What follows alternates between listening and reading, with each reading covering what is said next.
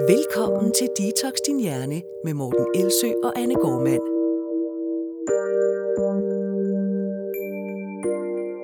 Så blev det tid til afsnit 30 af podcasten Detox Din Hjerne. Mit navn er Morten Elsø. Og jeg hedder Anne Gormand. Og fordi det er en slags øh, jubilæumsafsnit, så har vi valgt at snakke om det emne, der faktisk inspirerede os til titlen på podcasten, nemlig Detox. Men så er spørgsmålet så, hvorfor skulle det tage 30 afsnit, før vi kom til det emne, der, der har givet vores podcast titlen? Ja, vi er virkelig blevet ved med at udskyde det mange gange. Ja. Øh, har talt om det ofte, og vi har også fået rigtig, rigtig mange spørgsmål, også på mail, om vi ikke godt vil tage det her emne op. Øh, og alligevel så er der mange andre ting, vi har haft lyst til at snakke mere om. Og det er jo fordi, fra, fra vores perspektiv, eller fra, fra den øh, sundhedsbranchens perspektiv, der er øh, detox bare en, en, en ligegyldig detalje, som ikke har ret stor indvirkning på vores sundhed og på vores gode vaner i øvrigt. Mm. Øhm, så det virker på en eller anden måde frustrerende at skal bruge tid og energi på noget, som ikke rigtig har nogen praktisk betydning. Det ender jo så med at have en praktisk betydning, fordi det er noget, som rigtig mange øh, tilvælger. Øh, og det kan jo have nogle øh, konsekvenser. Det kan have nogle positive og negative konsekvenser. Det vender vi tilbage til. Men, øh, men, men man kan sige, at, at vi jo egentlig nærmest taget udgangspunkt, da vi startede podcasten, i vores startforståelse af detox som noget, som ikke giver mening at kaste sig over. Et projekt, som, som ikke rigtig har nogen, noget rationale bag sig. Øhm, og, og derfor kan man sige, at vores podcast-titel nærmest er en lille joke på, eller en lille spænd på, på ordet detox. Øh, hvor vi jo altså absolut mener, at vores krop ikke behøver at blive udrenset, men vores sind i den grad behøver at blive udrenset. Og det har jo været det, der har været temaet de sidste 30 episoder i større eller mindre grad, at folks sind skal udrenses for usandheder om sundhed og alle mulige andre ting inden for sundhedssfæren, for derigen at give, give, øh, give um, mulighed for, at man kan finde sin vej og sin, de redskaber, der skal til øh, mm. for, for at opnå det, man gerne vil. Ja, og det er jo så en af delene, der også er altså en af grundene til, at vi har udskudt det, eller i hvert fald for mit vedkommende, det er, at for 15 år siden, da jeg var uddannet, der var et af de første foredrag, jeg holdt, det handlede om detox. Øh, dengang var det tarmskyldninger og øh, ja, underlige drikke med hvidløg, øh, supper, alt muligt underligt, som, men som, hvor det også ligesom startede det her, den her detoxbølge. Og det, der er så frustrerende, det er at se her 15 år efter, at så er det altså sundhedsprofessionelles rolle stadigvæk skal være at luge ud i, i de her myter. Øh, mm. dem burde vi bare for længst have fået skudt i seng og få, få ud af mediebilledet.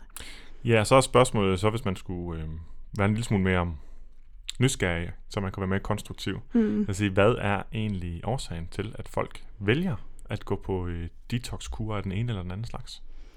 Altså man kan sige, at en af årsagerne er, at, øh, at det giver en eller anden form for kontrolfølelse nu, nu er vi lige nået igennem december, og der er helt sikkert mange, der har oplevet den her følelse af at miste kontrollen, måske endda en hel måned, eller måske bare i juleferien. Øhm, og så er der et eller andet sådan psykologisk befriende i at tage tøjlerne tilbage over sit liv, og føle, at nu, nu er jeg faktisk i gang med noget. Øhm, det er også en af de ting, man ved fra forskningen i spiseforstyrrelser, at noget af det, der vedligeholder den her restriktion, eller det her med at gå på kur, det er, at man faktisk bliver psykologisk belønnet. Øhm, man får en følelse af succes, altså en achievement-følelse. Man får en følelse af, at man er øh, skal man sige, i gang med at, at virkelig gøre noget godt for sig selv. Og bare det at være restriktiv en enkelt dag udløser alle mulige positive tanker om en selv som et menneske, der er i kontrol. Øhm, og det, det er selvfølgelig en af grundene til, at man vælger det. Noget andet er, at øh, man kan sige, at kurerne spiller på vores sådan, dybere liggende drømme og frygt.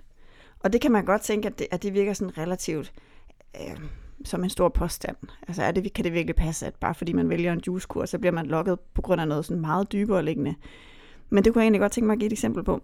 Øh, fordi det er ikke ret lang tid siden, at jeg havde en, øh, en klient, som havde været på en, en juicekur faktisk i tre uger. Det er ret lang tid, hvis nogen af jer derude har prøvet det. Det er, øh, det er rigtig hårdt, faktisk næsten ulideligt. Men øh, hun, da jeg så spurgte hende, hvad var årsagen til, at hun havde valgt den her juicekur, som var så ekstrem, så sagde hun, at det var fordi, hun var blevet desperat i forhold til at ville have tabt sig inden et bestemt tidspunkt øh, til foråret. Og den her desperation kom i, at hun ikke havde det øh, godt i sin egen krop. Og så spurgte jeg hende så, hvad, hvad, er, hvad er det, det vil give dig, hvis du havde det godt i din egen krop? Altså, hvad er det, du forbinder det her med at være på juicekur med? Så, jamen, så, så vil jeg endelig øh, ture lede efter en kæreste når jeg skal til en fest, hvor jeg ved, der kommer en fyr, jeg er interesseret i. Og øhm, jeg tror simpelthen ikke, jeg tør at, at gå hen til ham eller snakke med ham, hvis jeg ikke har det godt i min egen krop. Okay, og hvad er det så, du drømmer om at, at få ud af at gå hen og snakke med ham? Jamen det er, at jeg tror på, at han måske er en, jeg rent faktisk kunne forelske mig i. Og, øhm, og prøv lige et øjeblik at tage alle mellemregningerne ud fra tanken detox hen til kærlighed. Det vil sige, at den lange tankerække, eller logiske række i hendes hoved, gør, at øh, det at hoppe på en detox-kur er direkte forbundet med at kunne få kærlighed i sit liv. Det er jo ikke, altså, det er jo ikke små ting. Nej, det er det absolut ikke. Og, og, og jeg er sikker på, at øhm, det er da i hvert fald en ting, som, som det at have været behandler i nogle år, øh, ligesom du har i nogle flere år, har, har, har lært mig, det er, at de problemer, folk de forsøger at løse gennem slankekur, det er de dybeste problemer, for ellers vil man ikke øh, overbevise sig selv om, at det var den rigtige vej frem, og, og, og, og gå igennem den ledelse, som, som de faktisk ofte er forbundet med, både øh, fysiologisk, men også øh, psykologisk og socialt. Mm. Øhm, så, så det er faktisk en stor investering, folk gør, øh, selvom det kan lyde som et quick fix, så er det faktisk også en stor investering, rigtig ofte, især hvis det er så lang tid, som du, du snakker om der. Mm. Øhm, fordi at problemet ikke bare er et overfladisk problem, fordi at overfladen har relation til noget meget, meget dybere. Præcis. og en ting er selvfølgelig, at det spiller på ens drømme, men det, er næsten, det bliver næsten værre, når det spiller på ens frygt, synes jeg i hvert fald. Øhm, på et tidspunkt så mødte jeg en øh, deltager på en af vores øh, vanecoachuddannelser, og hun havde været på diverse detox-ferier øh, flere gange om året.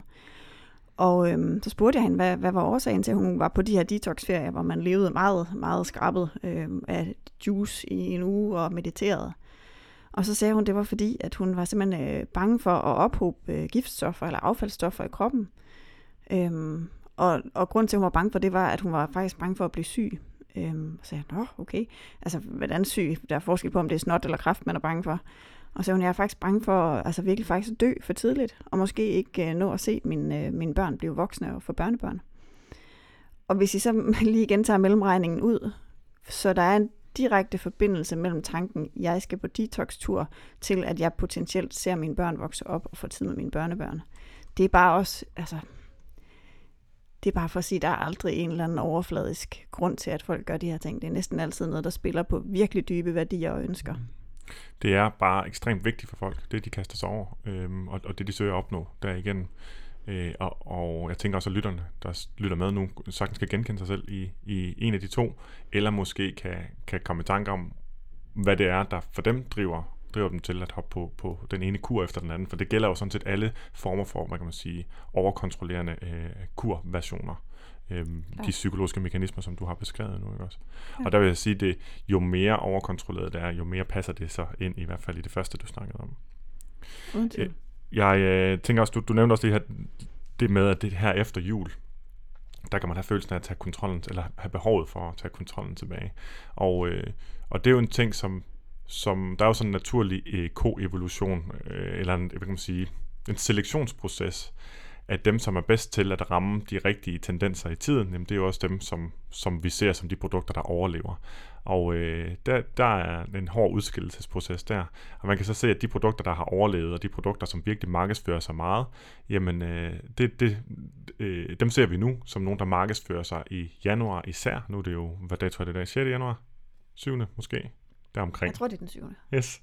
øhm, og, og, og der kan man se, at der bliver bombarderet, altså det sociale, sociale mediefeedet bliver ligesom øh, bombarderet med detox-reklamer og juicekur-reklamer.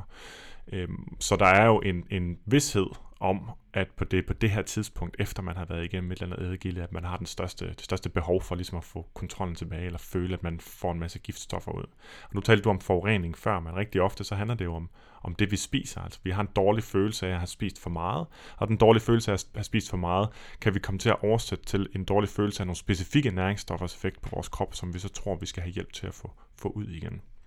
Inden vi kommer til at gå ind i de post, påstande, så vil jeg gerne sikre mig, mens lytterens hoveder er friske, at vi faktisk får konklusionen med fra starten. Så skal vi nok argumentere for den undervejs. Men, men jeg synes, det er godt at få det med. Så kommer vi ud af nogle tangenter, så ender vi nok der igen. Øh, det skulle vi meget gerne. Så konklusionen er, at vi, vi har ikke behov for aktivt at udrense vores krop. Øh, vi har til gengæld behov for at udrense vores sind, især for myter om detox, og det er jo formålet med podcasten i dag. Øhm, og det har vi, fordi de tager vores fokus, øh, og så står de i vejen for, at vi fokuserer på det, der gør en forskel, uanset om målet er vægttab, eller sundhed i en bredere forstand, eller trivsel, som man måske også kunne kalde det. Øhm, og som lytterne forhåbentlig vil lære den her episode, så er detox-begrebet faktisk det pure opspind næsten øh, fra start til slut, fra virksomheder, der vil tjene penge på den følelse, man har, for eksempel efter jul, eller fordi man bare generelt har lært, at man er beskidt indeni. Og øh, juicekur er egentlig en af de dårligste veje til, ja, noget som helst andet, alt andet end øh, udrensning af pengepunkten. Ja, så det var det... Den, øh, den, den korte version af konklusionen. Yes. Og øhm, hvis det er okay lige at tage det med ind her, så synes jeg faktisk, det, det er værd at, at knytte den tanke til, at det med, at man spilder penge på det, det kan jo også være en af årsagerne til, at man netop har modstand på at give slip øh, på tanken om detox. Fordi hvis man nu i overvis har brugt øh, masser af tid og penge på det, så er, det, så er man egentlig motiveret øh, til at holde fast i den overbevisning, for ikke at mm. føle, at man faktisk er blevet snydt, og føle sig dum, og føle sig godtroende. Ja. Så det er bare for at sige, at øh, hvis, hvis du sidder derude og har lidt modstand på at tage afstand fra detox, så er det helt forståeligt. Ja. Øhm. Jeg vil også understrege, at øh, selvom jeg godt kan blive frustreret, når jeg læser om de påstande, som er, nu sad jeg i går og læste sådan en uh, frequently asked questions inde på en, uh, en juicekur hjemmeside. Og jeg sad jo og, og facepalmede undervejs, må jeg jo uh, indrømme. Altså simpelthen uh, kunne næsten ikke være i mig selv af, af frustration over, hvor, hvor dumt det var, det der stod der på, tillader jeg mig lige at sige. Men det er ud fra mit eget perspektiv. Yes. Og jeg er næringsfaglig, jeg beskæftiger, jeg beskæftiger mig med det her hver eneste dag. Øh, og, og det kan man godt komme til at glemme, hvor lang tid det tager at få den fornødne viden og forståelse mm. for ernæringsvidenskab øh, til, at de påstande, man så læser om det her, det virker fuldstændig latterlige. Faktum er, at havde jeg ikke den baggrund, jeg havde, så var jeg også faldet for det. Så havde jeg også troet på det. Og det kan vi næsten regne ud, fordi næsten alle tror på det, med mindre de har en særlig forståelse for det, eller er øh, særligt skeptiske over for sådan en påstand af en eller anden grund.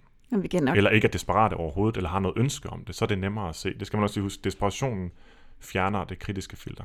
Yes, og vi kender nok i virkeligheden alle sammen nogle øh, dybt intelligente mennesker, som har styr på alt muligt, som går på juicekur en gang imellem. Øh, så hvis intelligens og det at gå på juicekur var connected, så, så, så, vil det, så vil der ikke være et problem der jo. Mm-hmm. Så det er ikke der problemet, og det er simpelthen manglende, manglende viden. Ja, ja, det er det. Og, øhm, og manglende specifik viden om, hvordan øh, markedsføringsord kan bruges til at ramme os i følelserne, således at vi tror, at vi er blevet veloplyst, men vi i virkeligheden ikke har fået noget som helst troværdigt at vide. Ja. Øhm, og derfor er det også svært nogle gange for, for folk, at folk, der arbejder som ernæringsfaglige i styrelser osv., at komme ud og sige noget, øh, der rent faktisk øh, overbeviser folk om det modsatte. Fordi det kræver, at man har sat sig rigtig godt ind i, hvad er årsagen til, at man overhovedet tror på det i første omgang. Mm. Altså man skal ikke kun forstå ernæringsvidenskab, man skal også forstå de psykologiske mekanismer bag, at vi tror på øh, påstande, der ikke er underbygget videnskabeligt. Yeah. Så det er faktisk et ret svært felt, og det er en ret stor opgave at skulle ændre øh, opfattelse, andres opfattelse omkring det, og det, det kræver for os især, at vi husker på, hvilken opfattelse vi ville have haft, hvis vi ikke havde brugt de sidste 10 år på at nørde ernæring ja. og kritisk tænkning. Ja. Så er det lidt af vejen, kan vi sige det. For øh, nu, nu tænker jeg, at vi, vi starter med at snakke om detox generelt, og så bagefter lidt om juicekur, og så øh, slutter af.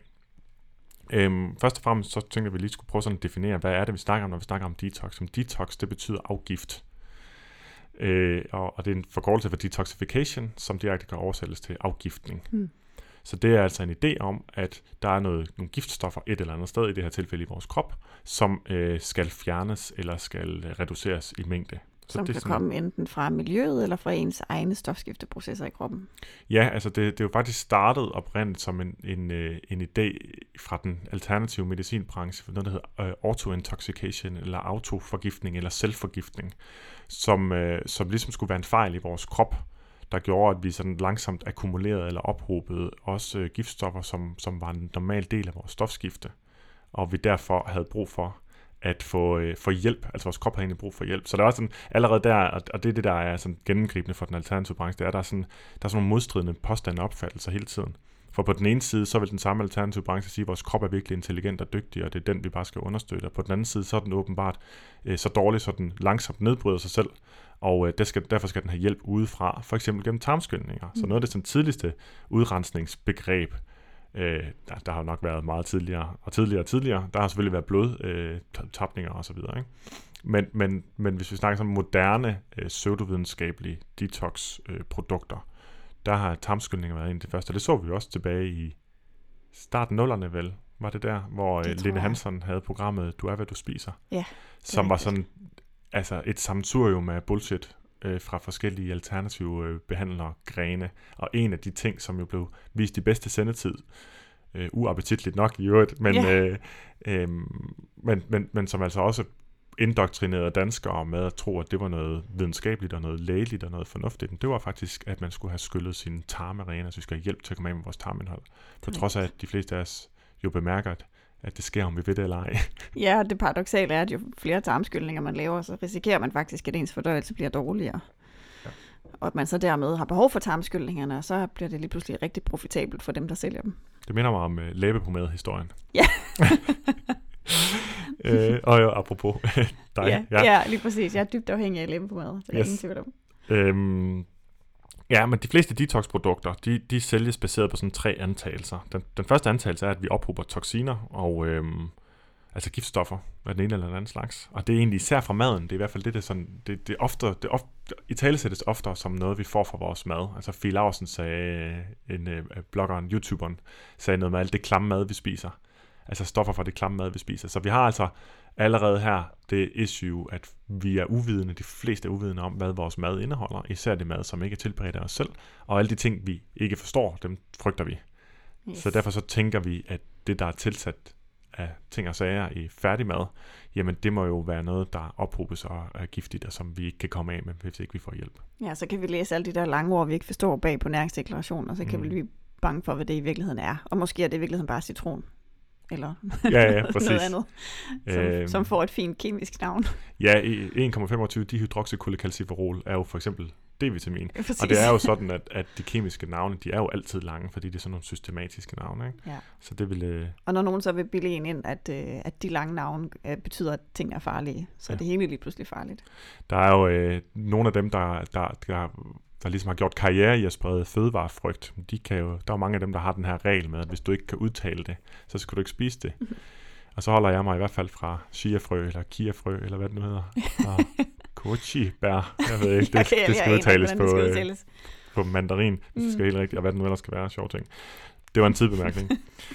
Men udover at vi ophober toksiner, som er den første idé, at detox-branchen ligesom kommer med, øhm, så skulle de også stå for, for sådan al elendighed, vi måtte opleve. Og det er jo så fra sådan generelle definerbare livsstilssygdomme, men også bare til, åh, jeg føler mig sådan lidt træt, eller jeg har nogle cravings, eller jeg føler ikke, at jeg opnår det i livet, jeg gerne vil, eller jeg har også nogle gange har jeg nogle humørsvingninger, og jeg er jo også lidt stresset, og der er også et udslæt på min albue, og hvad end det ellers skal være. Ja. Og det er jo bare, øh, den liste kan jo være 50 eller 100 punkter lang. Og så sidder man og får en reklame for en eller anden udrensningste, og så står der lige præcis alle de ord, man selv synes, man mangler. Mangler du energi? Sover du dårligt? Går din fordøjelse dårligt? Og så kan man tjekke af og tænke, nå okay, jamen der er så løsningen på, på alle mine problemer.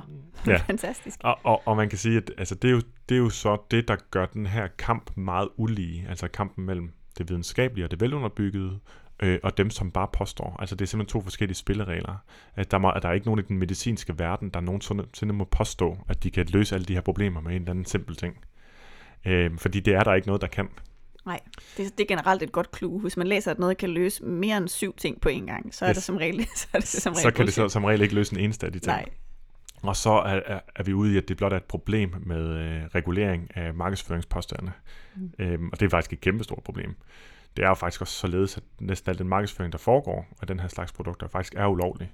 Øh, der er bare ikke nogen, der håndhæver, øh, håndhæver markedsføringslovens mm. paragraf 5. Dem kan man gå ind og læse på retsinformation.dk, og så kan I se, når I har læst den, tænke, gud, shit, alt burde jo nærmest anmeldes, og det er også helt rigtigt. og det lyder egentlig meget fint hen til det til måske at, at øh, prøve at komme ind på, hvad det er for nogle ting, de så påstår. De her detox øh, brains te, eller der er de der footpads også, hvor man... Jamen, det vender vi tilbage Okay, til. Øhm, fordi vi er jo faktisk kun nået til nummer et ud af tre sådan centrale påstande. Ah. omkring detox. Yes. Så den første var altså, at vi ophober toksiner, og at de står for sådan al elendighed, vi måtte opleve i livet. Ikke? Mm. Den næste påstand, altså sådan grundpåstand, det er, at vi ikke selv kan udrense de toksiner. For hvis vi ophobede dem, men godt kunne udrense dem igen, så var det ikke noget problem. Nej, det er det. Man kan selvfølgelig også sige, at hvis vi kan udrense, så kan vi ikke ophobe. Men det er en øh, detalje. øhm, at vi ikke selv kan udrense de toksiner er altså påstand nummer to, eller en del af påstanden. Og den tredje sådan centrale påstand, det er, at vi skal og kan hjælpe kroppen med at udrense toksiner gennem en helt særlig kost med fokus på nogle særlige næringsstoffer, eller bestående hovedsageligt af væske eller juice, eller at spise meget lidt. Øhm, og det skulle altså gøre, at vi kan understøtte kroppens processer på den måde. Eller det er ikke engang det, der står. Det, der ofte Nej. påstås, det er, at det er udrensende i sig selv. For det er to forskellige ting, at understøtte kroppens processer, og at have en i sig selv udrensende effekt. Yes. Godt. Så ganske kort. Nej, vi ophober generelt ikke toksiner. Der er nogle få øh, øh, undtagelser. Der er noget, der hedder Persistent Organic Pollutants, POP'er. Er det blandt andet øh, tungmetaller? Nej, det er det faktisk ikke. Øh, for tungmetaller er ikke organiske. Nå, sorry, jeg hørte ikke organiske. Det er bare det eneste, jeg kan huske fra min studietid, det var, at, øh, at de større rovfisk har en tendens til at ophobe øh, tungmetaller. Det er ligesom går ned Ja. i fødekæden. Primært, øh, ja, det går opad i fødekæden Ja, opad i faktisk. Fødekæden. Opad i fødekæden. Det er derfor, de store rovfisk, de vil have et højere relativ koncentration af sådan noget som, som øh, kviksøl. Mm. En bestemt type kviksøl. Øhm, og øh, hørfrø indeholder også en del cadmium. Der må vi heller ikke få for meget af cadmium. Mm. Mm. Så, også tungmetal. Og så ellers øh, de her POP'er, som jeg snakker om. Det var noget, der egentlig tit var i... Øh, jeg mener, det var for sådan noget papirproduktion, eller noget i... Øh, som, som har været nede i Estland, Letland, Letland, Litauen, og så har det været ude i Østersøen også. Man skal stadig heller ikke spise Østersølaks. Ja. Især hvis, hvis man er, hvis Hvis man man er gravid, gravid eller ammer, så vidt jeg husker. Men for uden dem, for det første så de her POP'er, det er altså noget, der er kommet kraftig regulering på, så det må vi antage bliver et mindre og mindre problem. For det andet, så opstår de kun i en høj koncentration i vores blodbane, når vi har ophobet en del af dem i fedtvævet, og så meget hurtigt taber os. Ja. Det vil sige, de når slet ikke en giftig koncentration, altså giftighed afhænger altid af dosis, øh, medmindre der er et stort vægttab. Nej, det er derfor, man i virkeligheden anbefaler et langsomt vægttab, hvis man vil undgå at få en forgiftning. Ja, det, det har man i hvert fald gjort. Der er mindre og mindre risiko forbundet øh, ved det nu. Fordi vi simpelthen ophober mindre. Ja, sandsynligvis. Sandsynligvis. Mm. Øhm, derudover så, jo, og så igen, man kan sige, nej, vi ophober generelt ikke giftstoffer omkring os. Øhm, nu har vi talt om undtagelserne. Undtagelserne opstår i fødevareregi, kun hvis du spiser meget ensidigt. Altså, der er, det er meningen, en af grundene til, at vi skal spise varieret, det er sådan en, som langt de færreste kender til, det er, at alle fødevarer, hvis du tager dem isoleret set, så indeholder de for meget af noget og for lidt af noget andet. Og den bedste måde at udligne det på, det er ved at spise et bredt udvalg, bredt sortiment af meget forskelligartede fødevarer fra forskellige domæner, hvis man kan sige det sådan. Øhm, ja, så hvis man lever rigtig ensidigt, skærer rigtig mange ting ud af sin kost, så må man normalt øh, forvente, at man også spiser rigtig meget af de andre ting så i stedet for. Og der er der så risiko for, at man går ophob. En af de ting, man går ophob, er så tungmetaller. Men alle de andre ting, vi taler om, altså der er ikke et eneste tilsætningsstof, som, som, som jeg har kunne støde på, skulle være noget, som vi har tendens til at ophobe. Øh, og jeg tror faktisk også, det er bare et generelt krav, når du går i gang med at snakke tilsætningsstoffer, at det må selvfølgelig ikke være noget, der kan ophobes. Så skal det i hvert fald være noget, som vi får i så afsindigt små mængder, så det er ligegyldigt. Mm. Den anden del er, at vi ikke selv kan udrense toksiner. Jo, vi har et, øh, vi har et helt organ, der nærmest har det som primær formål, nemlig leveren, der sørger for at, øh, at konjugere nogle ting, som det hedder, altså sætte nogle molekyler på, på de ting, vi gerne vil have skyllet ud, så det gør den vandopløselig, så vi kan tisse det ud, eller få det ud igennem afføring. Øh, derudover så har vi også vores nyre, der også er, har sådan et ultrafiltreringsapparat, og så har vi vores lunger, hvor vi kan ånde nogle ting ud, og vores hud, hvor vi kan svede nogle affaldsstoffer ud. Så vi har altså fuldstændig indbygget i vores krop et meget stort, konstant virkende afgiftningsapparat. Yes. Yes. Den sidste del, der er ikke nogen evidens for, at en særlig kost, eller et særligt tilskud, eller en særlig juice, skulle udrense i sig selv, eller gøre os bedre til selv at gøre det. Det, der virker allerbedst, det er at spise varieret. Og så leve umiddelbart efter kostrådene. Spis varieret og spis godt med frugt og grønt. Det må måske være det eneste, der er relevant. Ja. Ja. Så har man faktisk gjort det godt nok. Så behøver man ikke gøre mere.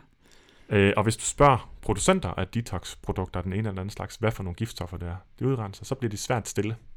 Ja. For de ved det ikke. Nej. fordi de har aldrig undersøgt det. Mm. Og dermed så er deres påstand bare det pure opspænd. Ja, detox er jo også et rigtig godt eksempel på, hvordan den alternative branche, som jo altså har været rigtig, rigtig god til at infiltrere vores dagligdags forståelse af ernæring, således at de fleste af os er meget misinformeret. Øh, men det er et godt eksempel på, hvordan den altid forsøger at skabe et behov, og så sælge løsningen.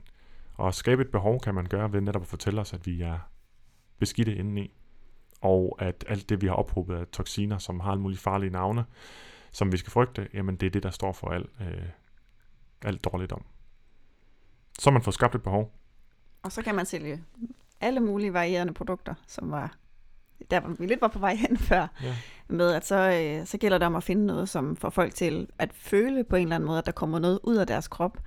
Og det kan jeg huske, øh, jeg kan huske, at jeg havde en veninde, der var på sådan en hvidløgs detox for mange, mange, mange år siden.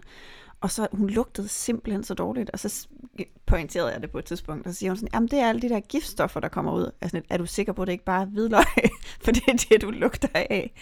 Øhm, og det er jo så det, der er med de her afgiftningsmekanismer, det er, at din krop reagerer jo på dem. Ja. Hvis du ikke kalorie, meget, meget, meget lavt øh, kalorieindtag af, af en eller anden art, så kan du komme til at lugte af acetone. acetone blandt andet, ikke? fordi du kommer i ketose. Men du kan også... Øh, du kan jo også, hvis du får, får de der øh, footpads, som jeg vil snakke om før, at, hvor man sådan ligesom kan se, at der kommer noget ud, og man mm. tænker, gud, hvad er det for noget gråligt noget, der sidder på de der fodbind, eller hvad ja. man skal kalde dem. Tænk, at det har været inde i mig. Det ser godt nok giftigt ud. Og det er det, som, som gør, at, øh, at, at jeg synes, det er okay at sige, at øh, i hvert fald en stor del af den her detox-branche er en ren svindelbranche. Yes. Og, øh, og det er det, fordi at der er nogle mennesker, der har siddet og opfundet og bygget maskiner, som ikke måler noget, men som giver illusionen af, at de måler noget. Og vi ved, at de ikke kan måle noget, men det kan give illusionen af det, så er de i gang med at narre. Og så er det nogen, der har lavet den her maskine bevidst øhm, til, til at gøre det. Ikke? Og, mm. og, og så er der også de her andre produkter. Nu nævnte de her detox footpads. Øhm, og forestil dig, at du har nærmest sådan en lille, det, det minder om sådan en blanding mellem sådan en, øh, et lille, nej, det er nok bare nærmest sådan en lille hygiejnebind, forestil dig det, ikke?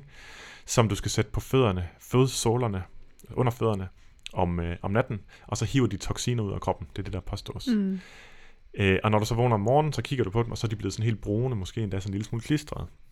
Og tænker, gud, var alt det inde i mig? Og vi skal lige huske, inden vi kommer dertil faktisk, at det der sker, når man fortæller folk, at, man, at de er forgiftet og fyldt med farlige ting i kroppen, det er, at man skaber en følelse af frygt. Og når du har følelsen af frygt over, at der er noget inde i dig, der gør dig syg, så er du heller ikke kritisk. Så leder du bare med lys og lygte efter det første produkt, der lover, at, det, at, at du kan slippe af med det. Og det giver sindssygt god mening. Man kan have sådan ikke følelse af, gud, har jeg alt det her inde i kroppen? Det har man så ikke, men, men det, det kan man hurtigt blive bildet ind. Mm. Men detox footpads, de øh, giver altså en illusion om, at der er blevet hævet toksin ud om natten. Og øh, det de i virkeligheden gør, det er, at der er nogen, der har siddet og fyldt dem med en øh, blanding af tørre kemikalier, som når de reagerer med ens naturlige fodsved, så skaber det en kemisk reaktion, som skaber det her brune farve. Ikke? Ja. Det vil altså sige, at der er nogen, der aktivt har skabt det her produkt med henblik på at svinde folk til at tro, at det afgifter. Ja. Det samme eller en lignende reaktion kan man se i sådan nogle øh, fodbade, man kan få, som du kan købe og rigge op derhjemme, og så sidder du putter fødderne ned i, hvad der ligner klart vand uden noget aktivt stof i, og så bliver det lige så langsomt sådan helt brun, så nærmest sådan en rust, der samler sig deri. Det er også en kemisk-elektrisk reaktion, øhm, som altså er designet til at give dig illusioner, der bliver heddet giftstof ud af kroppen. Det er ren svindel. Ligesom de der psychic surgeries, det ved jeg ikke om, hvis du har set Man on the Moon. Jo, jo, jo det har jeg. Ja, øhm. det er, hvor han, øh, hvor, hvor han prøver at få kureret sin kræftsygdom og går til alternative behandlere også, og der er en af stederne, der er der nogen, der står nærmest og hiver tumorer ud af maven på folk, og det er simpelthen bare ren sleight of hand, altså finger, fingerfærdighed altså fra en hælder de noget, øh, noget blod på huden. Ja, lige præcis. Ja. Så der findes altså masser af sådan noget svindel, og det understøtter ideen her. Og så er der altså tarmskyldninger, som også delvist er, er svindel, og så er der så øh, et nyt produkt, et nyere produkt, der bliver kaldt uh, Detox Tea. Der er også noget, der bliver kaldt Boo, Boo Tea, som et spil på ordet booty, altså fordi ja. at uh, folk er interesseret i at få en veltrænet røv, og det gør man selvfølgelig ved at drikke en anden type te. Ja, jamen helt klart. som skulle fjerne fedtvæv på maven og ved at afgifte din krop. Altså det er, um, you couldn't make this shit up, tænker jeg nogle gange, når jeg læser det. Men altså det er, det er designet efter at være følelsesmæssigt overbevisende, så der er ikke en logik i det, der kommer ud derfra, men det virker alligevel rigtig godt. Der er nogen, der så har valgt at kalde det poo tea i stedet for, fordi det viser sig, at det indeholder øh, to forskellige øh, typer laxativer, som hedder afføringsmidler. Mm. Så det, der i virkeligheden sker, når man drikker den her detox te, det er, at man øh, får diarré. Og det er jo også, de fleste har prøvet at have diarré, og ved godt, det er en ret effektiv akut vægttabsmetode. Det er ikke en fedttabsmetode, men en vægttabsmetode. Ja, og det er der, hvor producenten så kunne frame det for, øh, altså fordi det, den, den psykologiske effekt af at reframe noget øh, er ret velkendt. Så hvis man nu øh, ringer til sin behandler og siger, den der te, du solgte mig, jeg har simpelthen jeg har fået så meget diarré, så vil du få at vide, jamen det er bare fordi, det virker. Ja, ja, det er fordi, det har, det har en fast. fantastisk effekt. Ja, det, det, det har siddet fast, og nu kommer der virkelig gennemløb, og det skal du bare være rigtig glad for. Ja. Jeg læste en artikel i går om en 52-årig øh, kvinde, der havde været på sådan en vandudrensningskur af en art, hvor hun havde fået meget lidt salt og alt for meget væske. Og så har hun begyndt at kaste op, hvilket er et typisk tegn på dehydrering. Der er rigtig mange øh, Ironman-deltagere, der oplever det, fordi de får udskyllet deres salte og får for meget væske. Og så havde hun ringet til sin behandler, som havde sagt, jamen det er helt normalt. Øh, opkastninger, det er en del af udrensningsprocessen, og du bliver simpelthen så ren og fin indeni. Men det, der så skete, det var, at hun endte på øh, hospitalet med hjerneskade. Øh, øh, permanent hjerneskade. Fordi hendes hjerne simpelthen ikke havde kunne klare den her, øh, det her skift i, øh, i balancen, den kemiske balance. Selvkoncentrationen har simpelthen været for lav. Ja, og, og, og det er selvfølgelig den, øh, den endelige konsekvens af, når man tager imod sundhedsråd fra folk, der ikke er sundhedsfaglige. Det er jo, at i, i visse tilfælde, så øh, har det voldsomme konsekvenser, og i nogle tilfælde også døden selvfølgelig. Mm. Øh, det er nok de færreste, for hvem at en detox eller juicekur øh, bliver med døden til følge. Men der er nogle andre følgevirkninger, som jeg tænker, vi kan komme tilbage til. Mm. Øhm, ja, I forhold til det med at skabe behovet, for udrensning ved at sprede misinformation, så, så, så lænder det sig også op af det her sådan mere generelle begreb, der hedder clean eating. Det er egentlig det samme, altså du kan jo lave en detox, når du har ophobet en masse giftstoffer, som du har gjort, fordi du har spist syndigt og forkert osv., mm. ikke? som også rigtig kan spille ind på folks dårlige samvittighed og skamfølelse. Men der er også hele det begreb, der, der består i, øh, altså clean eating, som består i, at man simpelthen bare holder sig fra alle de fødevarer, der kan forgifte ens krop. Mm. Øh, og det er jo så bare sådan, at det er der ikke rigtig nogen fødevare, der kan i sig selv. Så øh, det er også bare noget, folk de finder på. Og så er der nogen, der er gode til at give illusionen af, at de ved noget om det.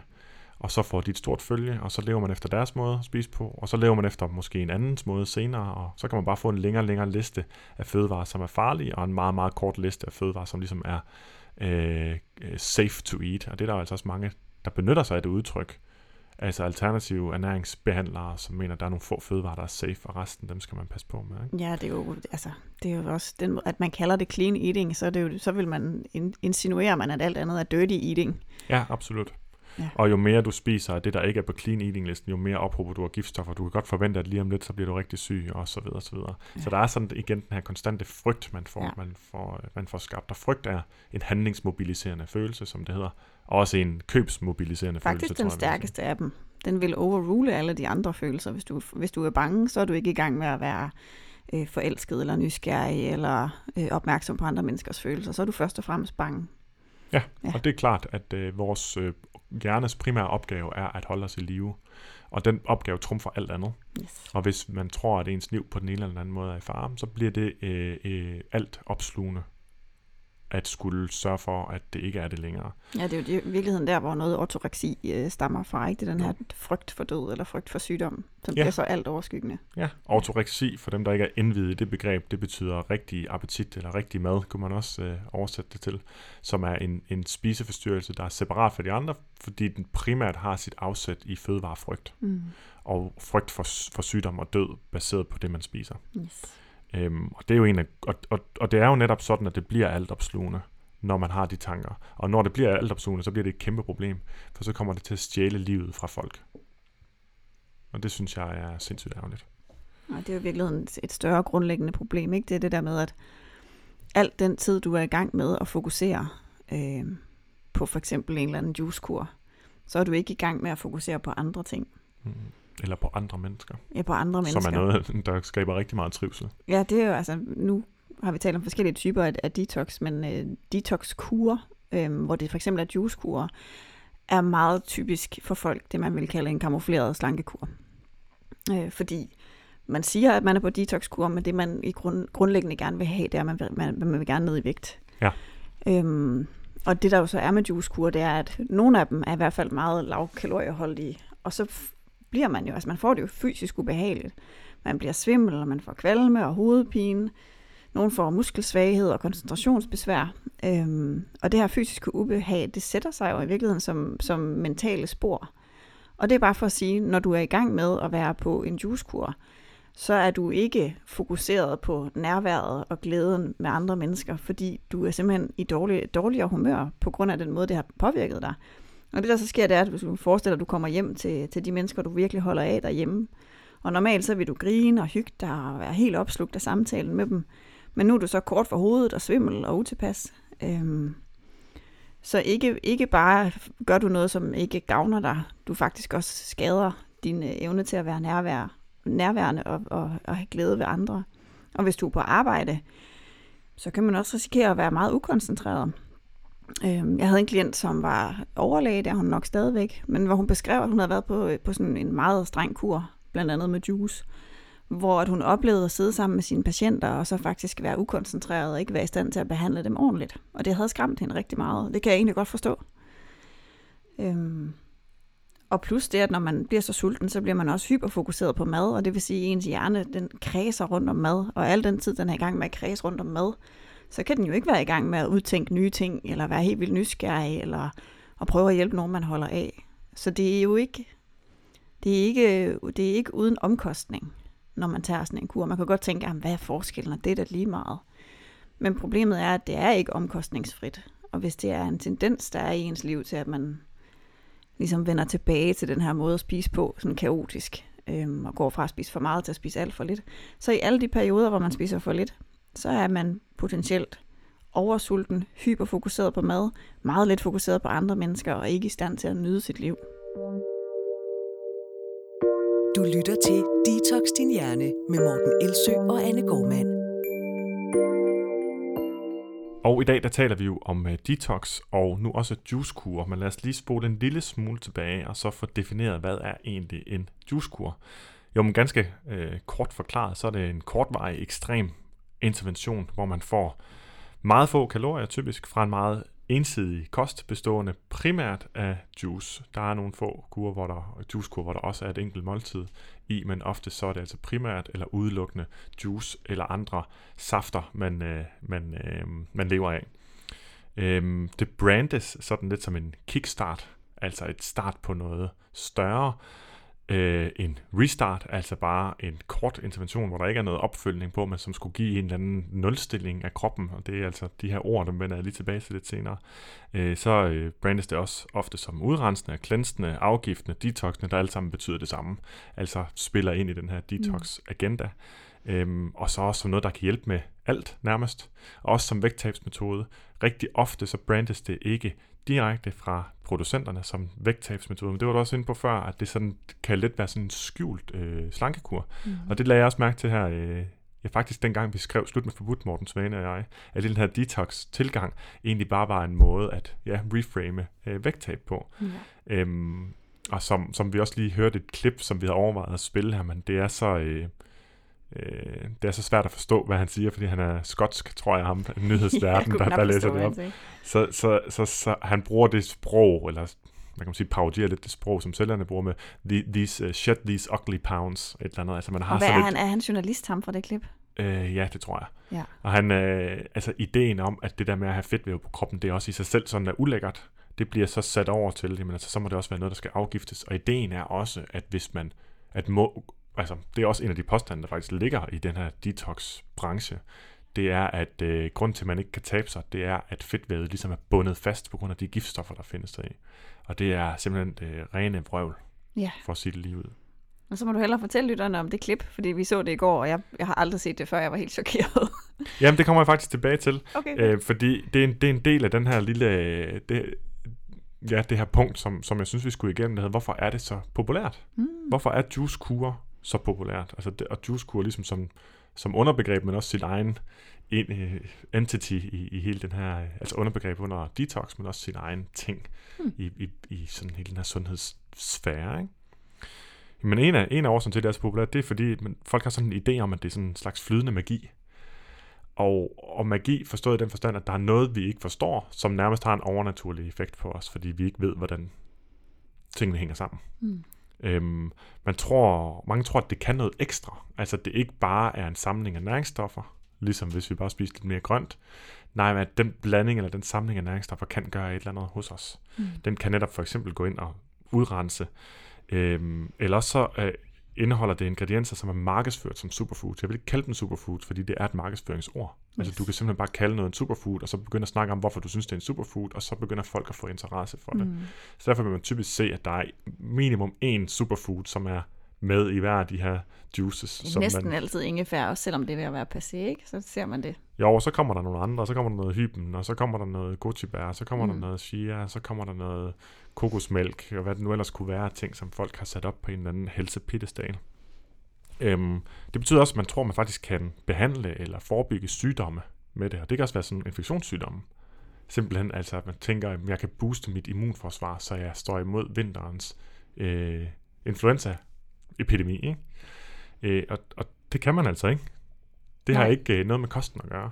Og det, der jo tit sker, når man har det her kostfokus, det er jo, at så glemmer man at tænke over at stille det store spørgsmål. Hvordan undgår jeg egentlig at blive syg over vinteren?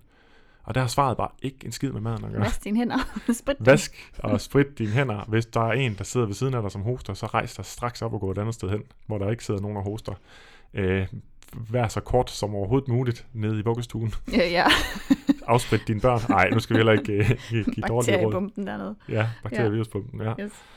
Øhm, så, så, så den her idé om, at det har med maden at gøre, det er jo selvfølgelig også øh, en, en idé, der er rigtig, rigtig... Altså, at alt har noget med mad at gøre. Det er jo en idé, der er rigtig gavnlig for Jamen- den branche, der sælger det. Ja, men det er den her overbevisning om, at det styrker ens immunforsvar, og at man så derved bedre kan bekæmpe sygdomme. Ja. Så det, det kunne man så spørge om. Så, så styrker det ens immunforsvar, hvis man får øh, flydende magi. Hvis du får flydende magi, det kan man ikke svare på, for det kan man ikke få. altså men, men, at, men at få, at få, hvis du er i underskud af vitaminer og mineraler, mm. så vil det at komme op på et normalt niveau af de to ting, det vil gøre noget godt for din krop generelt for alle dens funktioner, herunder immunforsvaret. Men er du i forvejen godt tanket op Hvis på du alle spiser områder? bare nogenlunde varieret, for Ja. ja. frugt og grønt og fuldkorn, etc., så er der ikke noget at komme efter rent Nej. immunforsvarsmæssigt. Så man kunne sige, at der hvor juice måske kunne have sin plads, det er, hvis du for eksempel er et menneske, der hader at spise frugt og grønt, men godt kan tolerere at drikke det. Mm. Så giver det fin mening at så få Der juice som det supplement, ikke som en juicekur, men som supplement til din, til din mad. Og endnu mere mening vil det give at, at lave smoothies, som også Ja. er blevet en stor øh, ting her øh, de sidste par år. Og det, kan det er en fin ting, det er en fin måde at få sin, øh, sit frugt og grønt på. Mm. Øhm, så der er ikke noget, det er ikke noget med det at gøre en juicekur, det er når du skal alt andet fra, så du så får en ensidig kost i en periode. Mm. Øhm, og hvor man så har en idé men så får jeg bare en meget højere koncentration af alt det her. Jamen hvis du gerne vil have en høj koncentration af de her næringsstoffer, så kan du bare tage to vitaminpiller. Ja. Det vil jeg jo ikke anbefale, du gør, for det er der ikke nogen grund til. Hvis du spiser igen bare nogenlunde varieret, så er du ikke underskud af stort set nogle af de ting. Mm. Men, øhm, men, men det, vil da, det vil være en meget nemmere måde at gøre det på. Og der er vi så tilbage i, jamen det er jo så ikke kun derfor, man gør det. Det er jo så nok også for at tabe sig. Øhm, Ja. Ellers så giver det ikke så meget mening, Mm.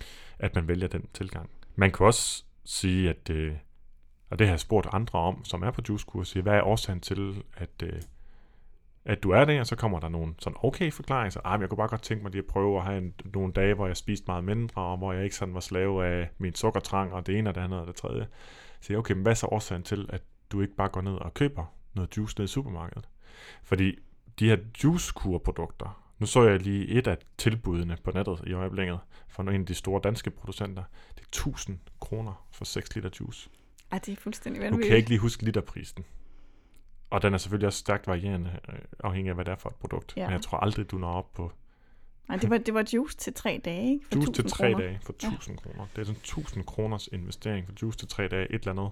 Og så nogle andre forskellige ting, og noget te, Ja. og en, og en enkelt citron. øh, som jeg synes var sådan en ret sjov liste af ting, man, man, man kunne få. Nå, ja. Så øhm, med den her idé om, at det flydende magi, den, den, den er jo også blevet forstærket af nogle særlige, øh, mm, hvad hedder det, særlige produkter eller en særlig idé. Der var den her meget store sådan celery juice hype. Noget du nogensinde har set den eller stødt på den, Anna? Du Altså, er jo ikke jeg, så meget så på jeg, sociale ikke så, jeg er ikke så meget på sociale medier, så det var faktisk først, da du viste mig det.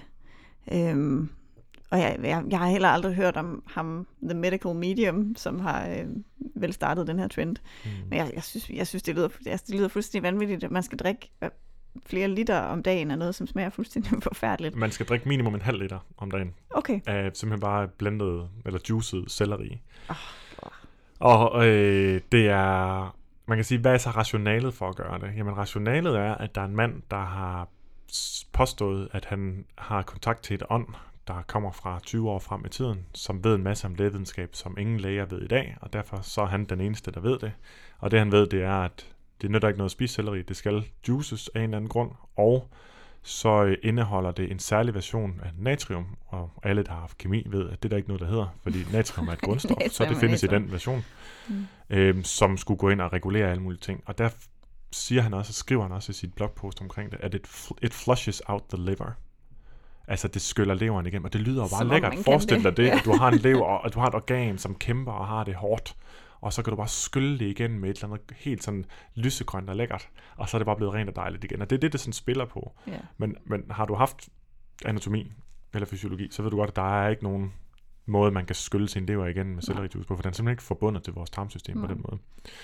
Øhm, og det sjove er altså, før sellerijuice kom jeg pludselig i tanke om, der var der også hvedegræsjuice. Nå ja. Åh, ja. Og det det når nu det er kommet og gået igen, så må vi jo kunne konstatere, at det er et modfænomen. Må ikke også, vi kan tillade os at konstatere det samme med, med sellerijuice. Altså det har ikke noget at gøre med, at det er velunderbygget videnskab, at det rent faktisk gør en forskel. Det har noget at gøre med, at vi desværre tilgår sundhed rigtig meget som et, en mode, altså som, sundhedsbranchen som modebranchen. Ja. Nu er det det, man gør. Har du prøvet det nye? Og det hører man tit fra blogger også sige, nu er jeg, jeg er den første herhjemme, der hopper på den her ting, så siger hvordan kan det være positivt? Det lyder det, det, lyder det som om, at du ja, den første, der hopper i med begge en, ben. Lidt en slags lemming, der bare følger alle de andre kendte. Ja, absolut. Yes. Øh, og det er jo en anden grund til, at det er så populært, det er, at kendte gør det. Og af en eller anden grund har, der findes det, der hedder halo-effekten. Hvis der er nogen, Mhm. der er dygtige til en ting, eller vi ser op til, så tror vi, de er dygtige til noget andet. Og det passer selvfølgelig ikke, at man har været med i Paradise Hotel, for eksempel. Mm. Jeg tænker ikke på noget specifikt her.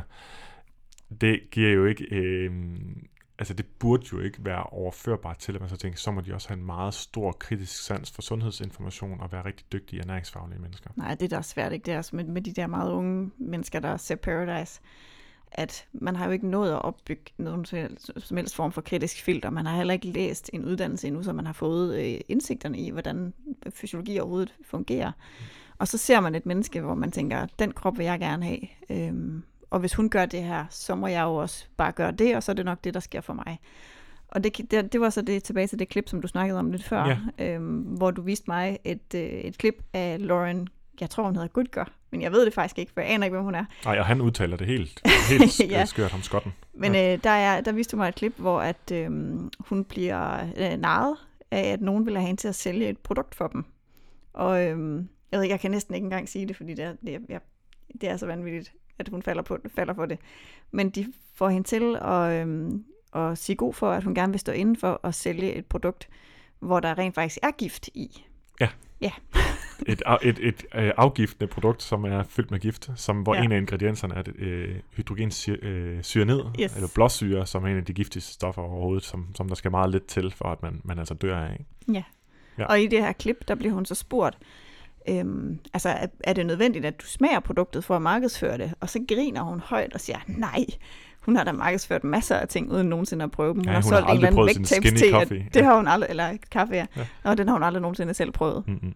Og hun griner endda af sine venner Ja. og sin familie, fordi at når hun så har stået frem og øh, markedsført den her kaffe, så ringer de til hende og siger, hvor meget skal man drikke? Og, og så er sådan, gud, Eller om skal de det kan skaffe det til eller hende, kan du om de skaffe det? Og hun, og hun bare tænker, hvorfor i alverden vil I dog det? Jeg, jeg Mm. drikker det ikke engang selv.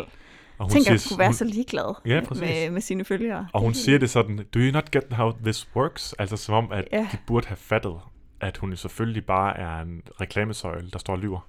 Fatter I ikke bare, at det Fatter her bare I er en ikke, at det bare er en pengemaskine? pengemaskine? Og det sidder hun og siger helt øh, åbenlyst i det her øh, interview, der så er optaget med skjult kamera, og hendes Ja. agent sidder også og siger, nej, nej, altså vores, vores, øh, vores influencer her, de benytter sig ikke af produkterne. Men hun har altså påstået, at hun har tabt, hvad er det, 12 pund ved at drikke skinny coffee. Hun har aldrig nogensinde rørt det. Nej. Jo, hun har rørt den, hun har stået og vist det frem. Ja. Øhm, så, så det skal man jo huske, at personlig historie, en af grunden til, at man ikke skal tro på personlig historie, det er, at der er slet ikke, øh, altså det er ikke nok, der er rigeligt med eksempler på, at folk de simpelthen bare aldrig har gjort det. Og hvis de har gjort det, så er der ikke nogen sikkert, at de har haft en effekt. Og hvis der har været en effekt, så er det ikke sikkert, at det har været på grund af det produkt. Altså, vi kan slet ikke bruge dem til noget som helst, de her Mhm. personlige historier. Nej. Men de er ekstremt overbevisende, og der er ikke noget galt med dig som lytter, hvis du bliver overbevist af det, fordi det er den måde, vores hjerne fungerer på.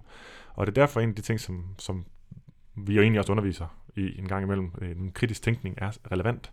Det er fordi, man bliver nødt til at forstå, hvordan man selv tænker, når man kommer til at falde i de her tankefælder, der gør, at man er nem at manipulere. Øh, og man er nem at få til at købe et produkt. Man bliver faktisk udnyttet. Og den eneste måde at ikke blive udnyttet på, det er ved at kende til risikoen for at blive udnyttet, hvordan man bliver udnyttet, og hvordan ens hjerne er skruet sammen på en måde, der er nem at udnytte, medmindre man aktivt modarbejder det. Mm. Og det gælder for os alle sammen. Yes. Der er også en anden grund til, eller flere grunde til, at øh, de er så populære, lige ganske kort. Det er et fysisk produkt på flaske. Det er meget mere håndgribeligt, bogstaveligt talt, Mm. bogstaveligt talt, end en psykologisk eller mental proces, man skal igennem for at finde frem til, hvor skoen trykker, og hvad man egentlig har issues med mad. Det er også meget mere trygt, eller det er utrygt, kan man sige på en anden måde. Tanken om at skulle i gang med at undersøge sig selv og sine vaner mentalt, øh, som jo er den proces, vi vil plædere for, at alle skal igennem, mm. for, øh, for at finde en løsninger, der holder jamen det er mere intimiderende, end det er at gøre, prøve tre dage med, med juice. Så man ja, også man, argumentere man kan, godt selv, man kan nok godt selv fornemme, at hvis det, der sker, det er, at hver gang man bliver frustreret eller ked af det, eller har behov for at overspringshandle, at så står man med, med lapperne ude i, i chokoladeskabet, så, så forsvinder den vane jo ikke efter en tre-dages juicekur. Og man ved nok også godt, at, øh, at det i virkeligheden er den, der skaber problemet. Og så kan man jo principielt godt øh, blive ved med at symptombehandle, og blive ved med at tage juicekurer, hvis man vil, og så aldrig øh, kigge på den vane, der egentlig skaber, skaber problemet. Men det, vil, det er jo nok ikke det, vi vil anbefale. Det må man selvfølgelig selv om. Det er klart. Altså det, vi forsøger her, er jo kun at give oplysning nok til, at du lytter, der lytter med, kan, øh, kan træffe så informeret en beslutning øh, som muligt. Mm. Øhm, Ja, fordi det er ikke det, der er tilfældet lige nu. Der er det jo en misinformeret beslutning, som folk, øh, folk ofte træffer, og det synes vi ikke er, er fair, og det er, ikke, øh, det er ikke nogen form for frihed. Nej, og vi kunne egentlig godt tænke os at hjælpe dig med at finde ud af derude, hvornår du egentlig bliver misinformeret. Og mm. du, øh, Morten, underviser jo i, øh, i bullshit og øh, myter og så videre på, på vanekortsuddannelsen, og også på dit øh, ernærings, øh, evidensbaseret ernæring. Men hvad er det for nogle ord, man skal være opmærksom på, hvis man som øh, forbruger sidder derude og leder efter et eller andet? Altså, vi kan jo så nu konstatere, at detox og alle afledte ord, det er altså udrensning, cleansing og afgiftning, øh, er, øh, er bullshit-ord. Og, og, og det kan godt lyde lidt hårdt, at jeg bruger det ord, ikke? men det er fordi, at, at bullshit-ord, det er markedsføringstermer, hvor man er ligeglad med, hvorvidt det er sandt eller ej, men man kun er øh, interesseret i, hvordan man følelsesmæssigt påvirker folk eller imponerer folk. Mm. Og der er det sådan noget som at rense ud, afgift, klænse, men også sådan noget som at nulstille. Ja. Det er fordi, det ved vi, det føles positivt, jeg vil nulstille. Jeg vil gerne lige nulstille min krop. For ja, fordi den skal lige have en pause. Ja. Pause, det er heller ikke et fysiologisk begreb, så det er altså også et øh, psykologisk begreb, som ikke har noget som helst med juice at gøre, men som, noget, men som er et salgsargument. Yes. Altså det, det er en følelse. Så, åh, kunne, du godt, kunne alle mennesker ikke godt lige bruge en pause? Ja. Jo, og det kan du få med juice. Fedt, så køber jeg en juice. Yes. Øh, så er der sådan noget som at restarte. Det kan også være netop, som du siger, så komme op på hesten følelsen igen. Ikke? Ej, jeg skal lige starte med det her, fordi så er jeg klar til den store livsstilsændring. Det er ekstremt sjældent. Jeg har faktisk ikke hørt om det endnu, at der er nogen, der har taget en juicekur, og det så var starten på et sundt, øh, en sund vaneændringsproces. Øh, Nej, fordi det typisk ender med at blive så hårdt, at man dropper det. Og så selve følelsen af fiasko af at droppe mm. det, kan jo så blive selvforstærkende, så man bare fortsætter ud i fiaskoland. Ja. ja. Og det, som man også øh, hører, det er sådan det modsatte af, af de positive termer. Det er sådan det, man gerne vil væk fra, sådan noget som trætte celler. Eller at kroppen den er øh, energiforladt. Eller at man skal have et stabilt blodsukker. Ja, stabilt blodsukker og ordet energi helt generelt. Mm. Altså hvis nogen siger, at du får mere energi, øhm, så er det ikke fagpersoner. Nej. Stort set nogensinde. Mm. Fordi det begreb... Og de har heller aldrig mening. prøvet en juicekur, for man får, man får virkelig ikke mere energi. Det er så det, der er ret sjovt ved det. Ordet balance er også et rigtigt bullshit-ord. Antioxidanter er et fagterm, man bruges i bullshit-sammenhæng også, mm. fordi der stadigvæk er rigtig mange mennesker, der tænker, at antioxidant er en god ting. Det kan man ikke sige, det er øh, og at vi skal have flere antioxidanter, og det er godt i forhold til vores sundhed. Det kan man heller ikke sige, det passer ikke. Øh, og så er der brug af ordet immunforsvar, og ja, på celleniveau har jeg lagt mærke til, at der er mange, der siger, at det virker helt ind på celleniveau. Det gør alting det, vel, gør det ikke? Jo, præcis. Alting, der har nogen effekt, virker selvfølgelig på celleniveau, fordi det er der alt foregår. Hvis ikke mm. det virker på celleniveau, så virker det ikke. Så det at bruge øh, begrebet på celleniveau, det er en måde, af, det, det er det, man kalder pseudovidenskab. Du skulle tage og trække vejret, det virker helt ned det på virker helt ned på celleniveau. Ja. men det, men det, er, det, det er noget, der får, får det til at lyde videnskabeligt. Det, det er det, der er definitionen inden på pseudovidenskab. Det er, når man låner troværdighed fra videnskaben ved at bruge videnskabelige termer, men mm. ikke videnskabelig tænkning, som hvis man gjorde det, så vil man ikke øh, benytte sig af nogle af de her ord. Nej. Samlet set så bliver det altså nogle imponerende pengemaskiner, fordi de bruger ord, der er udelukkende designet til at få opmærksomhed, hvor det er ligegyldigt, hvorvidt det er sandt eller falsk. De bruger influencers med personlige historier. Der er kendte, der gør det. Det er et fysisk produkt på flaske, og vi har alle sammen en idé om, at det er flydende energi. Og så det sidste, det er jo altså også, at det promoveres ganske gratis i bedste sendetid på for eksempel TV2. Ja, det gjorde det i, var det i går morges, tror jeg. Der var der øh, selleri, et eller andet juice. Lige efter der havde været et indslag om øh, det her med at acceptere sin kropsvægt, som den er, og undgå... Ja, Sofie Hagen havde været inde, ja, og så, jeg så kun slutningen, jeg så ikke hendes interview, og hun har jo en fantastisk mission omkring øh, øh, at, øh, at stoppe eller bremse eller reducere fedmestigmatisering, som Yes. vi er helt enige i. Jeg er ikke helt enig i måden, hun gør det på. Det er så en anden snak. Ja. Øhm, men, øh, men i slutningen af det, jeg kunne genkende den følelse, hun sad med, tror jeg. Hvor Hun de så sad og havde simpelthen haft en fantastisk øh, snak, eller havde haft nogle fantastiske pointer om det her med at acceptere sig selv, som man er, og slippe den der sammenligningsfælde, man kan ryge i. Hun har fuldstændig holdt op med at sammenligne sig med andre mennesker. Der var så mange fine ting. Og så skulle, øh, så skulle øh, det var så TV2, så skulle de lave sådan en segway over til det næste indslag, som så var sellerijuice. Man kunne bare se, hvor, ube, hvor ubekvemt det var for alle i studiet, at skulle lave det der skift fra at skulle acceptere sig selv. Mm. Og alle er enige om det til, men nu er det nok også en god idé her i det nye år at gå i gang med en eller anden sellerijuice-kur. Det var faktisk Ja, virkelig det var sjovt. værterne, havde det største problem. For Ja. ja. Sofie, hun var heldigvis bare helt reelt og sagde, nej, det mener jeg Ej, det simpelthen skal- ikke. ja. det sådan et eller andet. Hun grinede bare og sagde, det skal jeg i hvert fald ikke. Nej. Ja. Oh, ja. Øhm, men, men det er jo så et generelt problem. Det er jo, at øh, misinformation er blevet så mainstream. Så det er sagt, faktisk er det, der fylder mest i medierne. Mm. Det er det, der kommer frem øh, i for eksempel øh, sådan nogle underholdningsprogrammer her. Bliver det serveret som om, at det er den rigtige tilgang til det. Og de ernæringseksperter, der typisk har brydet sendefladen, der er altså langt, langt mellem snapsene, skulle jeg lige til at sige, mm. i forhold til nogen, der, der, øh, der gør det, jeg synes, enhver sundhedsformidler skal gøre. Det er at hjælpe folk i enhver tænkelig situation tilbage til at fokusere på de ting, vi ved gør en forskel. Ja. Og der er ganske få ting, der gør det. Og derfor er vores opgave faktisk at få folk til ikke at blive forvirret over al den støj, der er. Og Ikke, I stedet for det, som ofte sker desværre, Mm. at bidrage med yderligere støj. Yes. Yes. Øhm, hvad er det, der i virkeligheden sker, når man hopper på sådan en juicekur? Lad os bare sige en 3-4 dages øh, diæt udelukkende bestående af forskellige juicer. Altså hvis det bare er øh, helt simpel juice, hvor der ikke er tilsat øh, proteiner og fibre og øh, olie osv., som der rent faktisk også er nogen, der gør.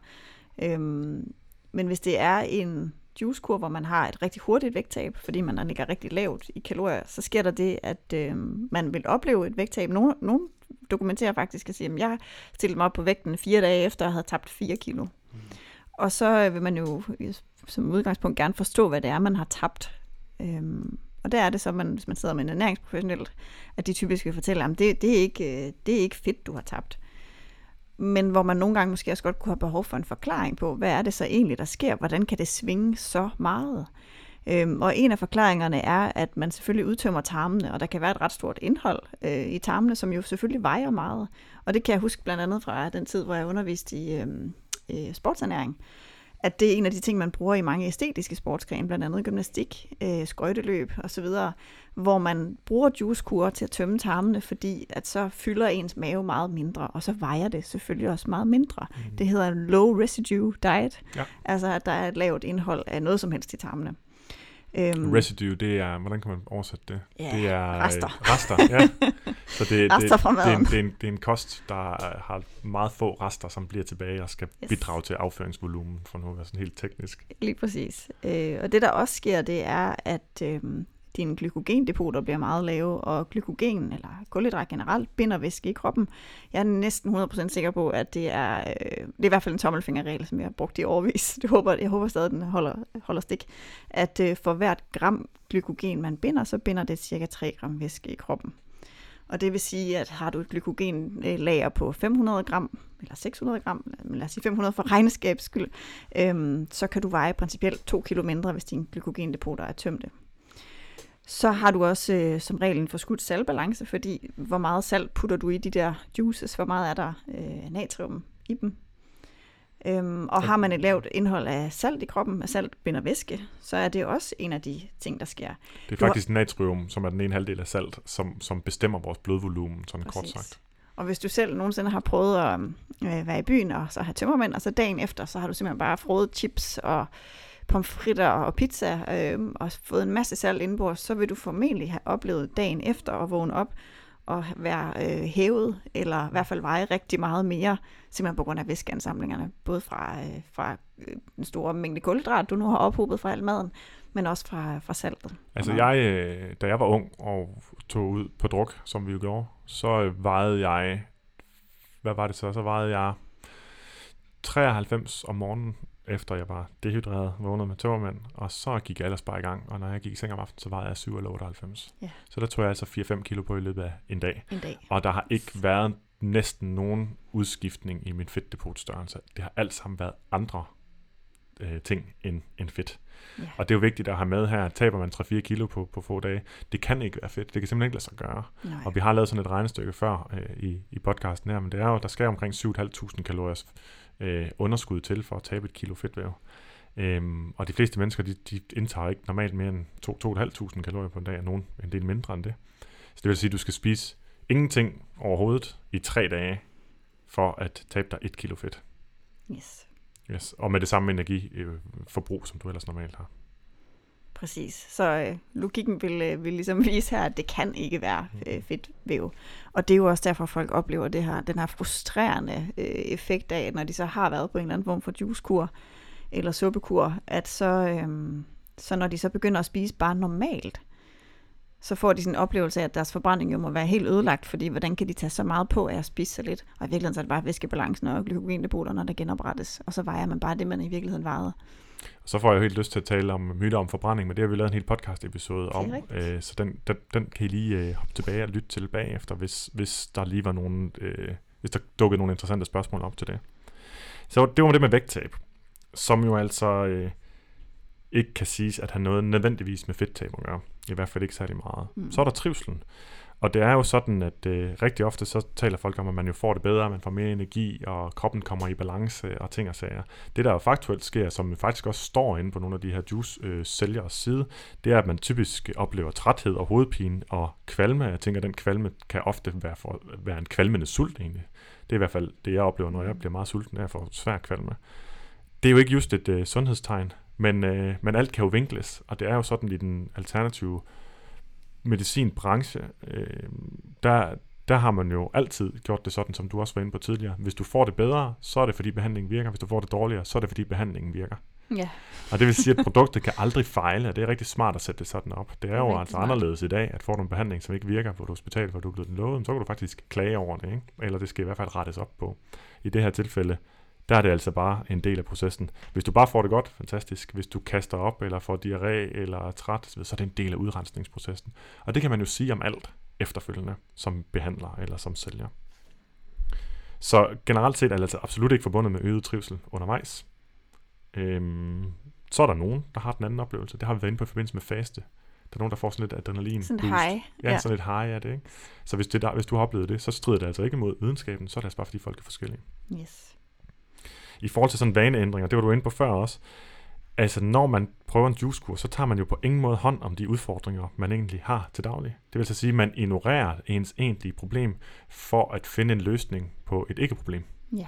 Og så bruger man sin energi og sine penge på det. Hvad siger du? Ja, det var det, vi snakkede om, som var symptombehandling, ikke? Ja, og jeg Ja. smider lige et link øh, ind til, fordi det er faktisk et øh, Facebook-opslag, jeg lavede på Livsstilshusets øh, Facebook-side sidste år, som vi lige genudgav her i går, tror jeg faktisk. Mm. Og det handler netop specifikt om det, at i stedet for at takle sine egentlige problemer, så hopper man på de forskellige kurer, fordi de er så overbevisende, de tager ens opmærksomhed og ens fokus, og så glemmer man bare for et øjeblik at stille sig selv spørgsmålet, hvad er egentlig den primære årsag til mine vægtproblemer, hvis det nu er det, Yes. man har problemer med. Nemlig. Så er der nogen, der siger, at det skal være en kickstart.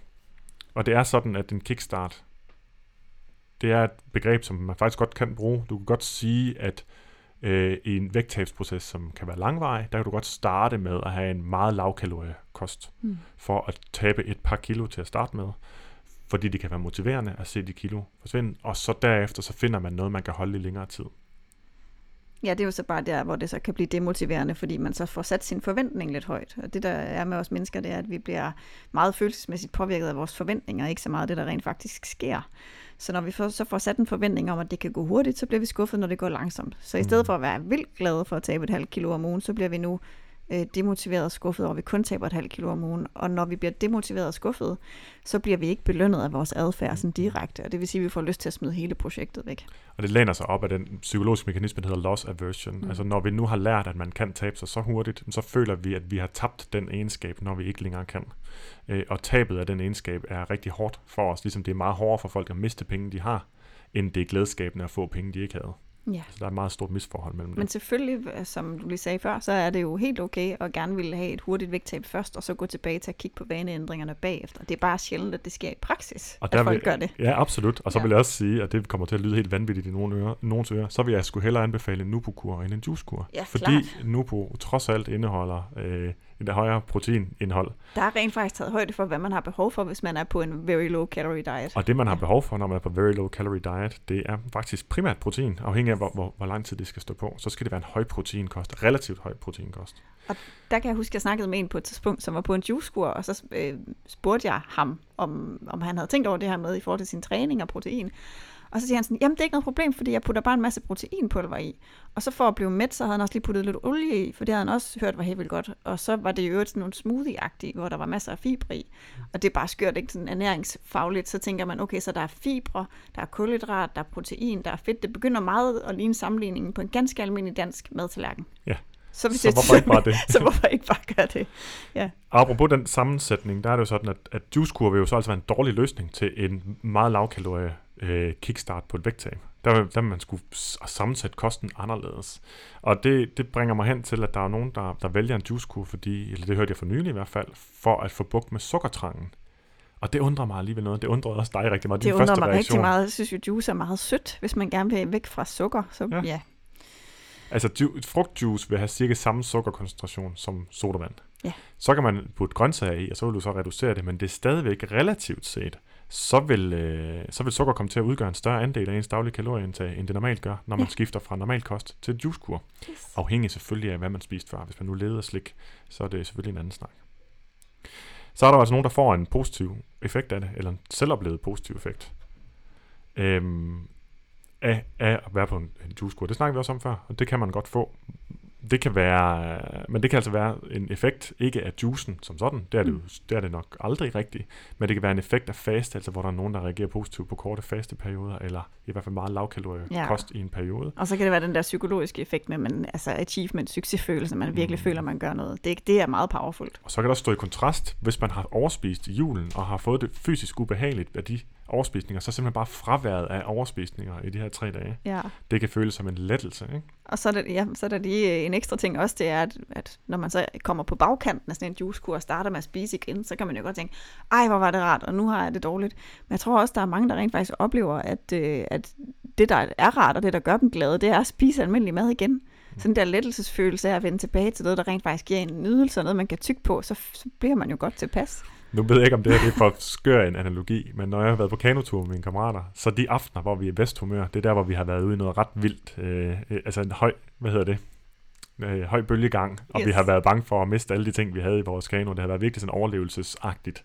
Og når vi så sidder ved bålet om aftenen, så er der fandme godt humør, ikke? Og det er fordi, det skaber en kontrast, den tryghed, vi så har der, kontra den frygt, vi var i tidligere. Det er det samme, hvis du har været på en juicekur, og det har været sindssygt hårdt, men så det, du har overlevet, du kommer ud på den anden side, så nyder du maden mere. Præcis, og det er jo også det, hvis man har været på kanotur, og man ikke har spist i 6-8 timer, og man bare har knoklet afsted, Mm.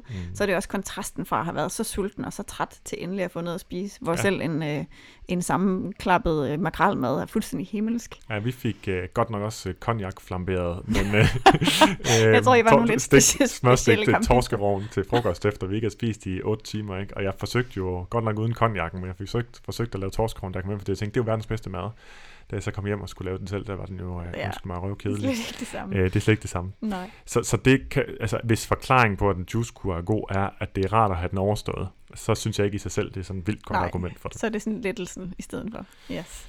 Øhm, vi har brugt en del tid nu, så må vi se, hvad vi når af det sidste her. Men jeg vil bare lige sådan opsummere ganske kort. Øh, en, er en juicekur en god vej til vægttab? Nej. Nej, det er det ikke. Der findes meget bedre veje, der er både akut er bedre, som en kickstart, men også langvarigt vil der være, jamen altså finde ud af, hvor er det, vi spiser i fravær af sult i første omgang, ikke? Øh, og, og, og snakke om det. Det er jo det, vi taler meget om i podcasten, ellers så det behøver vi ikke gå så meget ind i lige nu. Er det en god vej til sundhed? Nej. Nej, det er det ikke. og det er det ikke, fordi at det vi ved, der er sundt for os, det er konsekvent at spise, hvad vi har brug for. Og hvis, og hvis du gerne vil have juice, mm. øh, så i stedet for at drikke mange liter juice på tre dage, så kunne man med fordel drikke et glas juice hver dag, og så få vitaminerne derfra tilført dagligt. Det vil være en rigtig god idé. At få vitaminer tilført tre dage om året er ikke en god idé i Nej, forhold til det- at få den tilført hver dag. Det svarer lidt til at øh, træne øh, to uger i januar, for så overhovedet ikke at træne resten af året. Det har Ja, det- næsten nul effekt på det- dit helbred. Lige præcis. Ikke? Og, is, og det kan så have mere en øh, altså negativ effekt, hvis man har et udsving, der går i den anden retning bagefter, mm. hvilket ofte sker. Vil det give færre cravings? Det er der måske nogen, der vil opleve. Men det er meget sjældent, at det sker. Nej, Øh, øh, ja. eller det er i hvert fald ikke sikkert. Nej, og hvis det sker, øh, at man har færre cravings, øh, det, jeg oplever faktisk det modsatte, vil jeg sige, at når folk har været på sådan nogle restriktive uger, uanset hvad det er, at så bliver de mere fokuseret på mad, og en del af craving-problemet er netop det her med at gå og fantasere om, om mad. Så hvis man kommer til at fantasere mere om mad, når man er på juicekur, så kunne det potentielt forstærke cravings, især bagefter. Ja, også bagefter, fordi så har man forstærket den her øh, pedestal Yes. øh, tendens med, at man sætter fødevarer rigtig højt op i, og gør dem så næsten fortryllede. Øh, og hvis man gør det, forstærker den effekt i de tre dage, så vil man bagefter skulle kæmpe med, at det nu er endnu sværere at modstå fristelsen eller cravings øh, fremadrettet. Igen, vi har lavet en podcast på næsten to timer, tror jeg, om cravings, så derfor går vi ikke lige mere ind i det nu. Vil det give et sundere forhold til mad? Nej. Nej. Det kan jeg sige ganske kort. Tværtimod, det her det er nok noget af det, der hiver mest i den forkerte retning i min optik, i Ja. forhold til den her, i forhold til kurtanker. Det kan vi også måske lige nå tilbage til.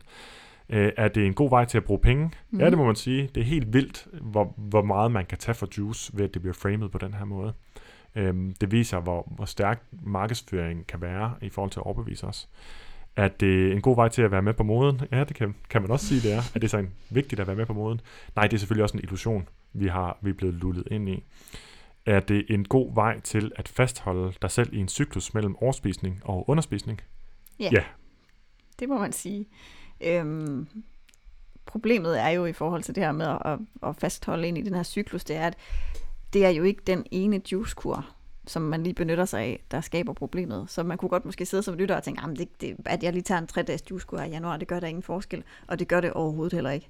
Øh, men i forhold til overspisning og underspisning, så er en juicekur oftest, eller i hvert fald for de fleste, øh, blot et enkelt eksempel som er en del af et grundlæggende psykologisk system, der går igen. Og det er, det er et system, hvor man skiftevis under- og overspiser, øhm, som holder liv i overspisningsproblematikker. Og det har vi snakket rigtig meget om i den episode, som vi optog sidst. Så hvis I gerne vil... Øh, Er det afsnit 29? yes. Så det, det er måske et godt sted at gå hen, hvis man gerne vil høre om det her øh, mønster omkring under- og overspisning. Men øhm, det der også er i forhold til den her cyklus med over- og underspisning, det er, at når man gør det, så får man hver eneste gang, man slipper sin underspisning og hopper over i en overspisning, et, et psykologisk bevis på, at man er en fiasko. Så kan man tænke tilbage på alle de gange, hvor det ikke er lykkes, og så begynder man at fortolke, at det er en selv, der er problemet, og altså ikke kuren, der fejler sit formål, hvor det i virkeligheden er den, der er problemet. Øhm, og jo flere beviser man samler, jo mere mister man ligesom troen på, at det her det er noget, man rent faktisk kan. Noget andet, der sker, er, at, øh, at det lærer os, at der er en hurtig udvej efter en overspisning, og det er blandt andet en kendt problematik ved især bulimi, Mm. at øh, hvis man har muligheden for at kaste op, eller for at kompensere for det, man har spist, så i det øjeblik, man får impulsen til at overspise, så kan det øh, dukke op som en tilladende tanke i hovedet på en, men jeg ved jo, at jeg bare kan tage en juicekur bagefter, eller jeg ved jo, at jeg bare kan kaste op bagefter. Og den her kompensationstankegang, øh, som giver lov, den er med til at forstærke tendensen til overspisning. Og så er der den sidste del, som i forhold til, hvordan det påvirker ens, øh, ens, ens psyke at være i den her øh, kurtilstand. Det er det, som du har snakket om før, som, øh, man kunne, som du har snakket om som licenseffekten. At så har jeg været på juicekur i tre dage, og så behøver jeg ikke at spise sundt i lang tid efter. Og det, der er problemet her, det er jo, at så har du fået måske rigeligt med øh, vitamin C og andre ting i tre dage, men dem tisser du så ud, hvis du har overskud af, og det vil sige, at du kan ikke gemme dem til de næste dage. Så Mm. hvis du bruger den her licenseffekt og tænker, "Jamen, så kan jeg leve af slik de næste f- 14 dage, så er du faktisk dårligere stillet, end du var, øh, hvis du bare slet ikke havde tænkt kuren ind. Ja, øh, og vi har jo det her, det er det lic- licenseffekten dækker over, den her moralske selvlicensering, hvor vi ser det som noget moralsk positivt at spise det, som vi selv opfatter som sundt, og moralsk negativt at spise det, som vi selv opfatter som usundt. Og når man så har svinget ud øh, i den ene side, altså svinget ud i retning af noget, som man opfatter som sundt gennem en juicekur, men så har man givet sig selv øh, carte blanche eller licens til at synde eller svinge ud på den anden side. Og bare for at reiterere, hvad du har sagt, så hvis det sunde, man har gjort, rent faktisk ikke er sundhedsfremmende, men den måde, man svinger ud til den anden side, er øh, usund, eller ja, øh, giver en for meget af, af noget, man ikke har brug for, for eksempel, jamen øh, så har man haft en netto usund effekt af det. Yes. Nu har vi også, øh, nu, nu har vi snart talt folk trætte, tror jeg, inklusive os selv. Så det kan være, at vi skal til at, at lande til en afslutning. Ja, ja. men øh, igen, I kan lære meget mere om de her mekanismer bag øh, overspisning, øh, og hvordan juicekurve spiller ind, i hvert fald i tre af dem, øh, tre ud af de seks øh, mekanismer eller adfærdsmønstre, øh, øh i afsnit 29, hvis ikke, hvis ikke I har hørt det. Afslutningsvis vil jeg bare lige sige, at hvis detox og juicekurve var sundt, så ville Fødevarestyrelsen og Sundhedsstyrelsen anbefale det. De vil måske endda lave kampagner for at udbrede det, og du vil få det ordineret hos lægen. Der er ofte ordinære livsstilsændringer. Øhm, I stedet får du det udelukkende anbefalet af folk, der ikke er ernærings- eller sundhedsfaglige, og ikke en eneste ernæringsfaglig eller organisation på kloden anbefaler altså detox eller juicekur. Det, det burde give os lidt et hint om det. Det er altså kun øh, kendte, som er blevet betalt for at være reklamesøjle for et produkt, de ikke har brugt, der, der egentlig argumenterer for, at det er en god idé. Ja. Korte interventioner helt generelt gør ingen forskel for vores sundhed, eller for vores vægt for den sags skyld, i hvert fald på sigt. Det vi ved for eksempel om grøntsager, det er jo, at et højt indtag gennem et helt liv reducerer risiko for sygdom og tidlig død. Kortvarigt højt indtag af grøntsager gør selvfølgelig ingen forskel. Og det, når jeg siger selvfølgelig, så er det fordi, jeg appellerer til, at, øh, at folk har den sund fornuft. Den eneste grund til, at man ikke lige husker den, det er fordi, man bliver bombarderet med støj og, og øh, overbevisende bullshit-ord. Ikke? Øhm, der er også en sidste grund til, at folk, så mange vælger juicekur. Det er også fordi, de ikke ved, hvad de ellers skal gøre. Altså, vi er blevet fyldt med, at kurtilgangen er løsningen, når du har et problem. Ikke? Og det er jo en, måske den primære grund til, at vi uddanner folk til netop at finde vejen til blandt andet vægttab uden kur, altså til holdbare adfærdsændringer, der rent faktisk gør en forskel. Både for vægten, for sundheden og ikke mindst for trivselen, som jo er det, det hele handler om. Mm. Det var alt for denne gang. Vi håber, at vi har formået at udrense dit sind for fejlagtige overbevisninger om detox og juicekur, så du nu kan træffe nogle mere informerede beslutninger. Husk, at du kan finde show notes til dette afsnit og alle de andre afsnit på detoxdinhjerne.dk, og vi sætter altid pris på en anmeldelse i iTunes eller i din podcast-app. Godt nytår, og tak fordi du lyttede med.